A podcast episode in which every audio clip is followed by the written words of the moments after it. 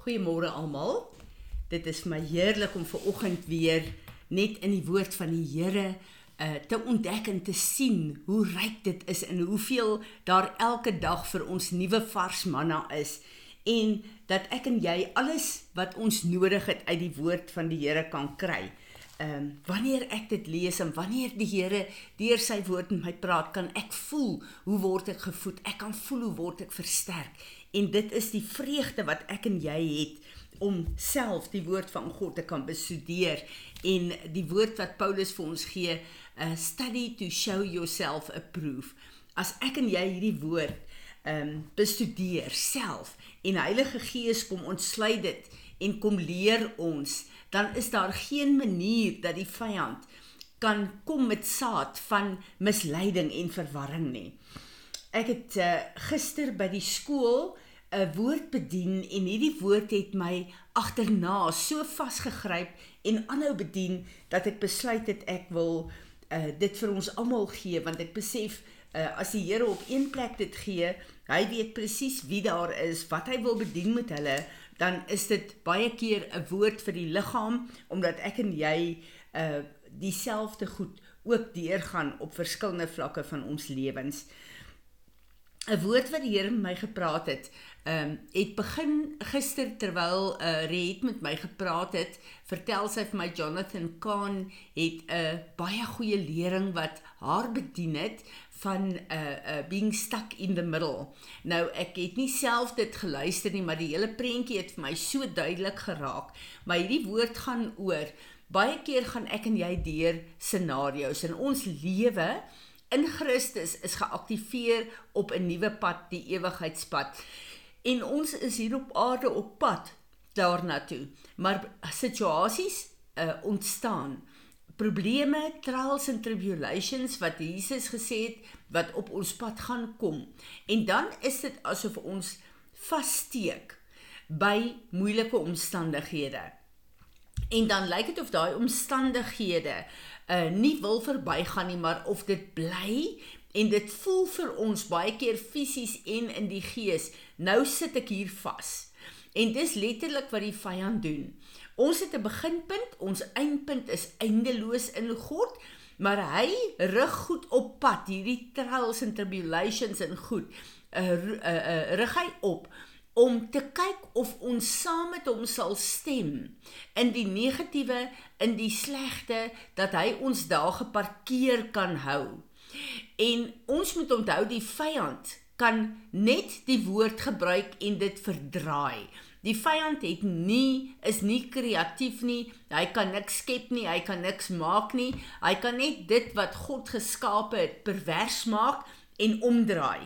En hy is 'n ekspert daarmee want hy ken die woord van God beter as ek en jy omdat hy van ewigheid af gelewe het saam met die woord vandat God hom geskaap het het hy gelewe saam met die woord in die hemel totdat hy uitgegooi is so hy ken die woord van God uh in uh, baie opsigte beter as ek en jy so hy gebruik die woord en waar ek en jy die woord oortree kom hy en het hy dan die reg om in te kom en in ons lewens te werk. Dit is wat Romeine 6 vers 13 en 14 vir, vir ons leer. Alles wat ek en jy doen en sê, is 'n wapen van geregtigheid, dit wil sê waarmee God kan werk, of 'n wapen van ongeregtigheid. Dit wil sê wapens en plekke wat ons vir die vyand gee. Daarom kom Paulus en hy sê daar, moet dan nie julle julle uh, ledemate gee as instrumente vir die vyand nie want dis die enigste manier wat hy in my en jou lewe kan werk verder het hy geen mag oor ons nie nou as ons kyk na die skrif in Matteus 18 waar Jesus kom en sê waar twee of meer van julle saamstem beteken dit in die amplified sê you are in one mind and in harmony and about anything that you ask it will be done to you. Nou hierdie ene sê uh uh by my father. So alles wat ek en jy kom en ons vra vir Vader en dit is sy wil, gaan hy dit doen. Hy kom en hy sê waar twee of meer, daai autoriteit, daar's 'n spesiale autoriteit daar.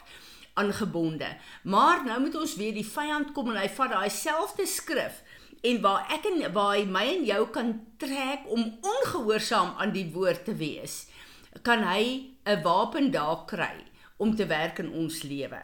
So, wanneer daar moeilike omstandighede is, wanneer daar aanvalle op ons is, en ons vat dit nie na die Here toe om ons te help in hierdie goed deur te breek nie, maar ons begin in ons kop in gesprekke. Die Engels sê in conversations gaan met hierdie familiêre geeste wat met ons praat.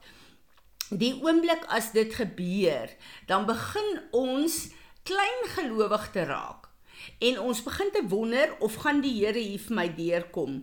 En hierdie raak 'n plek waar jy jou omstandighede so groot raak dat jy God nie raak sien nie.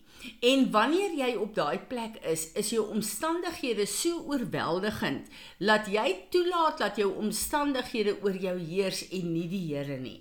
Op daardie plek stem ons saam met die vyand. En dan kom hierdie negatiewe goed en in werking.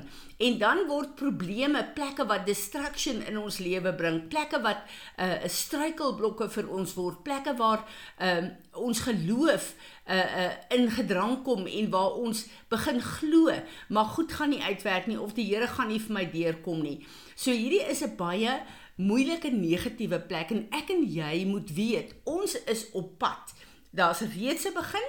Ons einde is tot in alle ewigheid in die Here, maar alles wat hier in die middel gebeur, alles wat die vyand uh, oor ons pad gooi. Baie keer is dit onsself en ons eie swak keuses wat goed veroorsaak. Daai plekke moet ons vir die Here gee. Daai plekke moet ons kom en dit vir die Here gee en sê Here, ek kan nie sien hoe hierdie ding gaan verander nie, maar U is my God. Ek behoort aan U.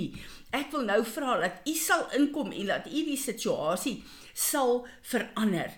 As ons dit nie doen nie, dan kom ons letterlik op 'n plek waar ons so saamstem met die negativiteit van die omstandighede, met die uh, realiteite van wat daar gebeur, dat die Engelse praat van dis 'n point of no return wat ons absoluut net hierdie goed toelaat om ons lewe te oorheers en om die vernietiging gaan te bring en dit vat ons op 'n pad weg van die Here af. Dis 'n plek waar die Here nie ons voetstappe kan rig nie, want ek en jy kies dan om ons te onderwerp aan die vyand en sy strukture. En dit is die plekke waar daar letterlik 'n bitter root 'n uh, expectation kom waar ek en jy dan 'n verwagting het van hierdie moeilikheid gaan net eenvoudig meer moeilikheid bring. Dit gaan nie opgelos word nie. En hoewel ons dit nie altyd sê nie in ons gedagtes en in hierdie uh, gesprekke in die gees, uh, begin ek en jy saam te stem met dit. En 'n skrif wat ek en jy gewoonlik lees en quoteer en bid is 'n baie kragtige wapen wat die Here vir ons gegee het. Maar ek wil hê ons moet net dit weer 'n bietjie lees en daarna kyk. Uh Jesaja 54. En ek wil vir ons lees van vers 16 af. Uh of kom ons uh, lees van vers 15 af. Hier staan daar: Behold, they may gather together and stir up strife, but none none is from me. Whoever stirs up strife against you shall fall and surrender to you. Dis wat die Here sê. Al hierdie aanvalle, al hierdie goed wat teen jou kom. As jy in die Here bly staan, dan gaan hierdie goed moet val voor jou, want God se krag is in jou en jy kom en jy stem saam met God se krag. Dan kom die Here en hy sê verder vers 16, behold, I have created the smith who blows on the fire of coals and who produce a weapon for its purpose. I have created the devastator to destroy. Die Here kom en hy kom sê op hierdie plek vir jou, onthou net al hierdie magtige goed wat die vyand nou in jou lewe probeer doen. Dis ek wat alles geskaap het. Hy het geval, hy het gekies om weg te draai, maar ek die Skepper het beheer oor alles. En dan kom hy en hy gee vir ons hierdie kragtige wapen. But no weapon that is formed against you shall prosper. And every tongue that shall raise uh, against you in judgment, you shall show it in the wrong. Hier kom die Here en hy sê, hy het alles vir ons gegee. Hy sê maar maar ons moet weet hierdie wapens gaan niks uitrig nie, maar ek en jy moet hierdie wapens verkeerd be, bewys. Dit wil sê ek en jy moet saamstem en in eenheid met God wees. En dan kan ons 'n ekstensie wees in elke situasie van wat Jesus afgehandel op het op Golgotha. Baie keer dan kom ons op 'n plek en ons uh, roep net uit na die Here toe, maar ek en jy wil nie kom as gesag neem en toelaat dat ons saam met die Here staan en laat ons kom en deur ons hierdie wapens kanselleer nie. Dan gaan hy verder en hy sê this peace, righteousness, security, triumph over opposition is the heritage of the servants of the Lord, who those in whom the ideal servant of the Lord, Jesus Christus, is reproduced. This is the righteousness and the vindication which they obtain from me. This is that which I impart to them as their justification says the Lord. Hier kom die Here en hy sê ons is op hierdie plek van geregtigheid, van sekuriteit, van oorwinning oor die vyand. Dit is ons erfenis. Hy sê to those in whom Jesus is reproduced. Jesus Christus is in my en jou die ekstensie van wat op Golgotha afgehandel is. Kom ons wees versigtig om nie deur ons omstandighede onwetend saam te stem met die vyand en sy werke en so sy hand in ons lewe en sy aanvalle te versterk nie.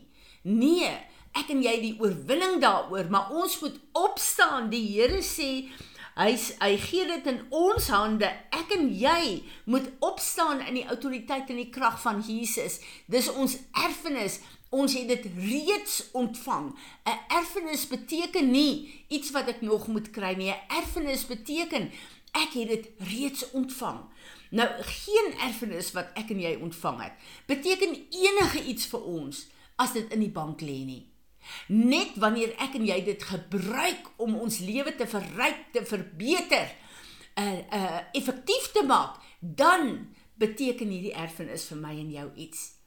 Ek bid dat die Here ons sal help dat ons hierdie weggesteekte vangplek van die vyand gaan sien en dit gaan openbaar en in die krag en die autoriteit van Jesus gaan kanselleer. Hy het geen houvas oor my en jou nie. Here Jesus, ons is so opgewonde oor U en oor U woord. Dankie dat U woord lewendig is, 'n tweesnydende swaard. Here, dankie dat hierdie woord die wapen is wat U vir ons gegee het op aarde, dat soos wat ons bid en soos wat ons dit gebruik, die werke van die vyand tot niks uitgekom nie. Ons wil kom Here en ons wil elke ding in die duisternis waar die vyand ons probeer uh vang deur saam te stem met hom en sy werke in ons lewe. Ek roep dit aan die lig vir ons elke een in die naam van Jesus. En vandag kom ons en hierdie erfenis Here Jesus wat U vir ons gegee het, neem ons opnuut ernstig op en ons wil staan en elke wapen wat die vyand teen ons en ons gesinne smee, verklaar ons vandag nietig en ons verklaar Filippense 2 vers 9 en 10. Elke knie sal buig en elke tong sal bely dat U alleen ons Heer en Meester is, word verheerlik in en deur ons lewens. Amen.